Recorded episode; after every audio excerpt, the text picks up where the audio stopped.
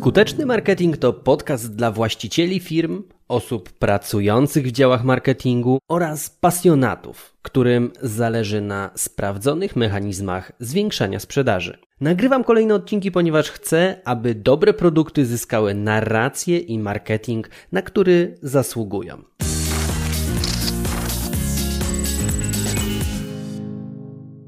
Dzisiaj o sklepach internetowych, więc posłuchaj tego odcinka, zanim zdecydujesz się wejść w ogóle w e-commerce i sklepy internetowe. No bo teraz to wydaje się, że wszyscy robią te sklepy, wszyscy idą w internet to dobrze. Ale warto też popatrzeć z drugiej strony, bo w tym owczym pędzie można zapomnieć, że też może tam coś pójść nie tak. Jak to nie tak? Wojtek, co ty opowiadasz? Zaraz powiem ci, o czym opowiadam. Ale najpierw fakty. Rynek e-commerce w Polsce stale rośnie. Z analiz wynika, że w latach 2020-2025 będzie on rósł aż o 25-26% rok do roku. To naprawdę sporo. Polska, jak wynika z danych statystyka Digital Marketing Outlook, znajduje się na 13 miejscu wśród najprężniej rosnących rynków e-commerce. Jak podaje Gemius, w 2019 to kolejny bardzo dobry rok dla handlu internetowego. Raporty z ostatnich lat także nie pozostawiają złudzeń. No popatrz, 2017 zakupy online robi 54%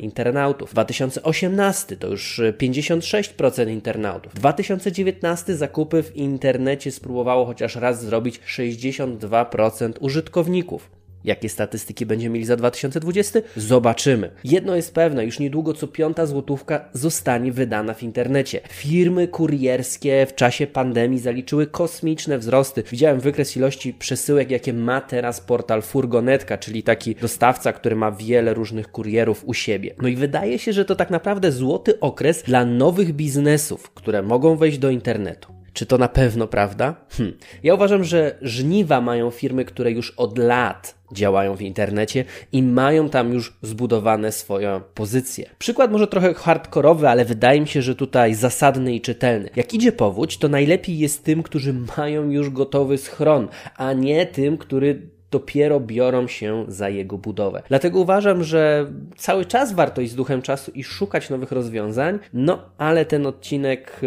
no, nie jest tutaj właśnie o tym, o innowacjach. Jest o tym, czy teraz jest dobry moment na e-commerce. No i popatrzmy. Każdy chce prowadzić biznes i zarabiać gruby hajsior, zanim mm, jednak wejdzie się właśnie w ten e-commerce, to warto byłoby popatrzeć, że są pewne ciemne strony tegoż oto tematu. Jak podają statystyki Callpage, każdego roku z polskiego rynku e-commerce znika od 6 do nawet 8 tysięcy sklepów internetowych. Sporo pracy idzie do kosza, wydatków na systemy IT, te wszystkie dopracowywane pikseliki, sesji zdjęciowych, setki tysięcy opisów produktów pod SEO. To wszystko leci do kosza. No właśnie, dlaczego tak się dzieje? Sklep internetowy przypomina ten tradycyjny sklep bardziej niż mogłoby się wydawać. No bo co? Trzeba mieć produkt, coś czego potrzebują ludzie, a nie tylko coś, co się podoba właścicielowi. Do tego warto byłoby jeszcze, mając ten produkt, odpowiedzieć sobie na fundamentalne pytanie, dlaczego ktoś miałby ten produkt kupić ode mnie. No, popatrzmy na taką zależność, bo jak ktoś wchodzi do sklepu stacjonarnego, to trudno jest mu porównać kilka konkurencyjnych ofert, no bo jest w tym jednym sklepie. Oczywiście może scrollować na telefonie komórkowym, ale to też nie jest takie łatwe, kiedy tam ekspedient patrzy. Z kolei w internecie, gdy ktoś sobie siedzi w domku, popija kawkę, piwko, herbatkę czy coś innego, oferta konkurencyjna konkurencji leży trzy kliknięcia dosłownie od ciebie. Więc dlaczego taki gospodarny klient, czyli taki oszczędny, miałby przepłacać u ciebie, skoro może kupić 10% taniej u konkurencji, gdy na przykład tylko zapisze się do newslettera i potem dostanie kod rabatowy? No i tu trzeba wziąć e, właśnie ten element pod uwagę, że konkurencja jest bliżej nas niż mogłoby się wydawać. E, z kolei znowu biznes offline i tutaj mówi się, że są ważne trzy parametry: lokalizacja, lokalizacja i jeszcze raz lokalizacja. Czyli chodzi o ruchliwe miejsce, w którym ludzie przechodzą. A w internecie mówimy o tym, że potrzebnych jest dużo ruchu z różnych stron internetu, czy z social mediów, czy z wyszukiwarki Google, czy z porównywarki cenowej, czy z różnych elementów, e, gdzie można na przykład wyświetlać materiały wideo. Więc więc również jest potrzebny ruch. Sama strona się nie wypromuje. Atrakcyjnie wizualna witryna w biznesie offline, no to jest tutaj odpowiednikiem reklamy, która jest na tyle atrakcyjna, że przyciągnie do nas właściwych klientów. Biznes offline ma merchandising, czyli rozłożenie produktów na półkach. W biznesie online mamy user interface, czyli takie rozmieszczenie poszczególnych elementów sklepu, aby klient się w tym nie gubił, a jak już doda produkt do koszyka, to żeby tam wszystko działało, wszystko było sprawne i żeby on łatwo mógł przez cały ten proces przejść. W biznesie offline mamy dobrą obsługę.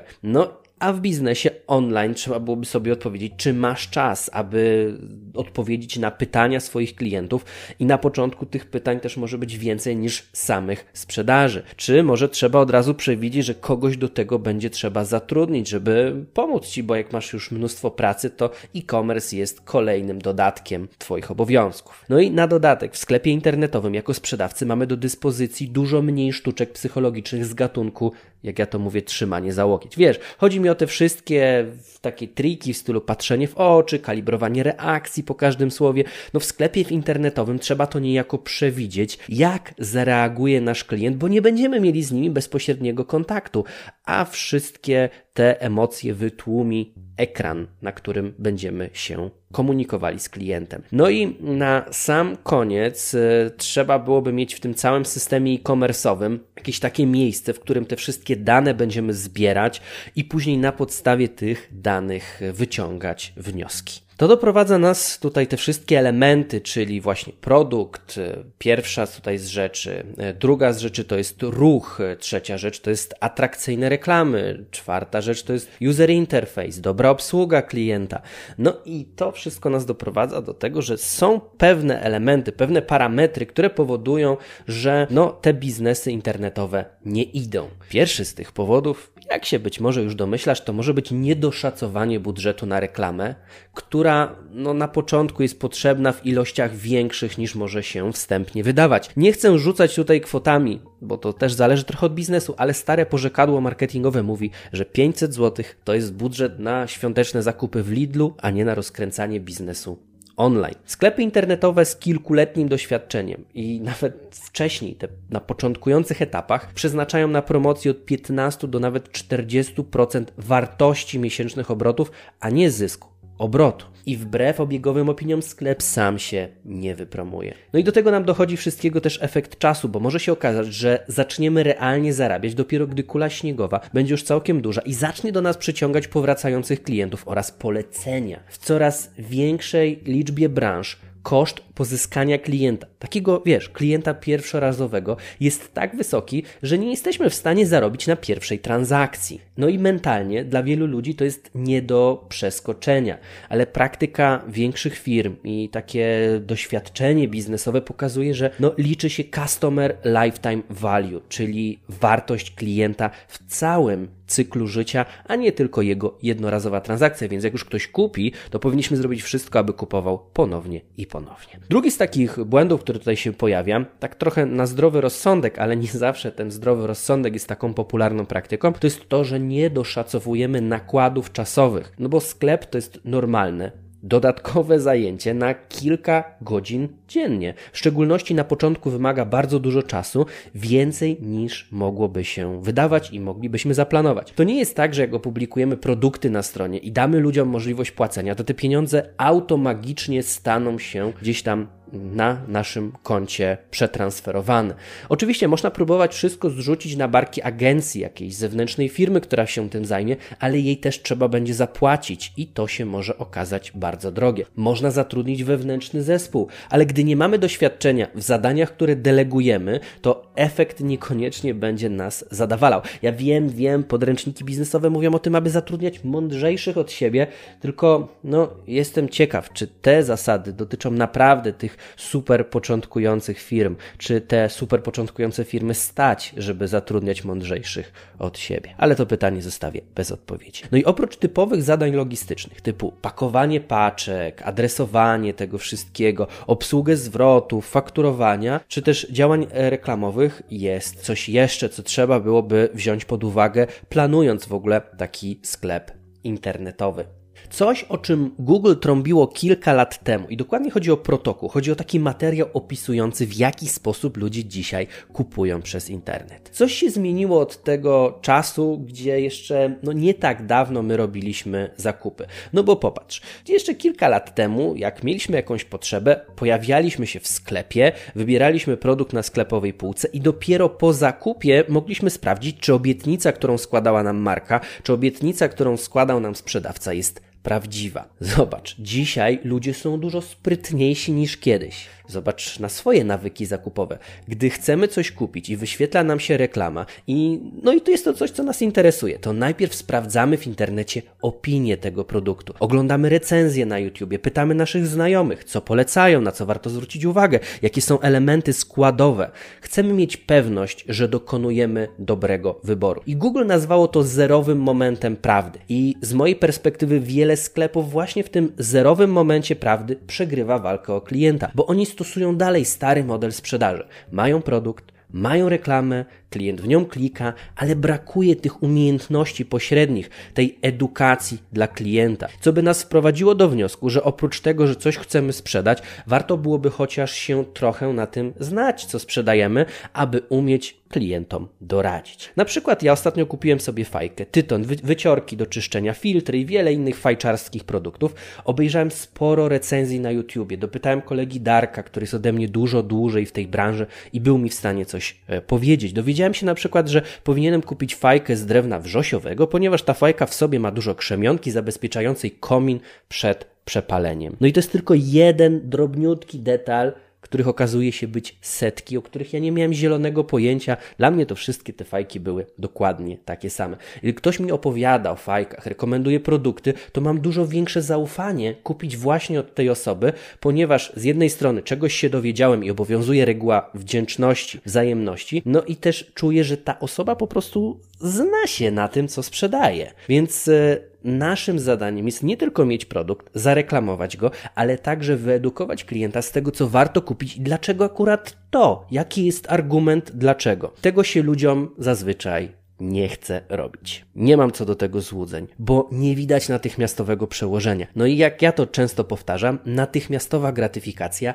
zabija strategiczny zysk. No jest z tym sporo pracy. I dobrze, Dlaczego dobrze? No bo gdyby to było takie wszystko proste, takie wiesz, trzy kliknięcia i samo się robi, to każda branża byłaby czerwonym oceanem zalanym przez korporacyjne budżety, a tego byśmy nie chcieli.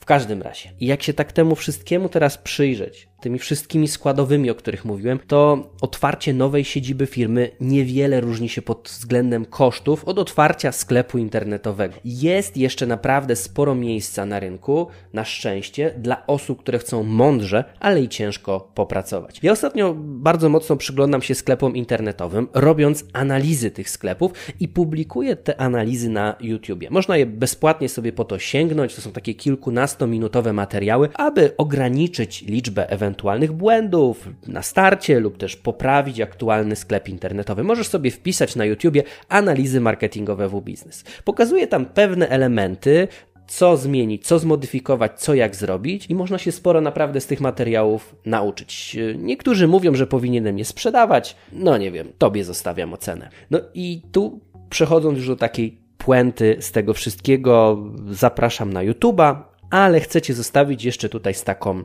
jedną myślą. Oprócz dużego apetytu na pieniądze w internecie, warto też mieć średnie pojęcie o produkcie, który się sprzedaje oraz przynajmniej podstawowe o marketingu, bo tutaj najwyższa jakość w najlepszej cenie oraz stara zasada sprzedażowa cuk, ciastko uśmiech kawa po prostu nie zadziała. Niemniej jednak nie poddawaj się. Warto mieć swój sklep internetowy, warto o niego zadbać, ale trzeba też mieć takie z tyłu głowy taką myśl, że niektórzy startują po 10 razy, zanim znajdą ten produkt, ten biznes. No ale jak to mówią, do wytrwałych świat należy.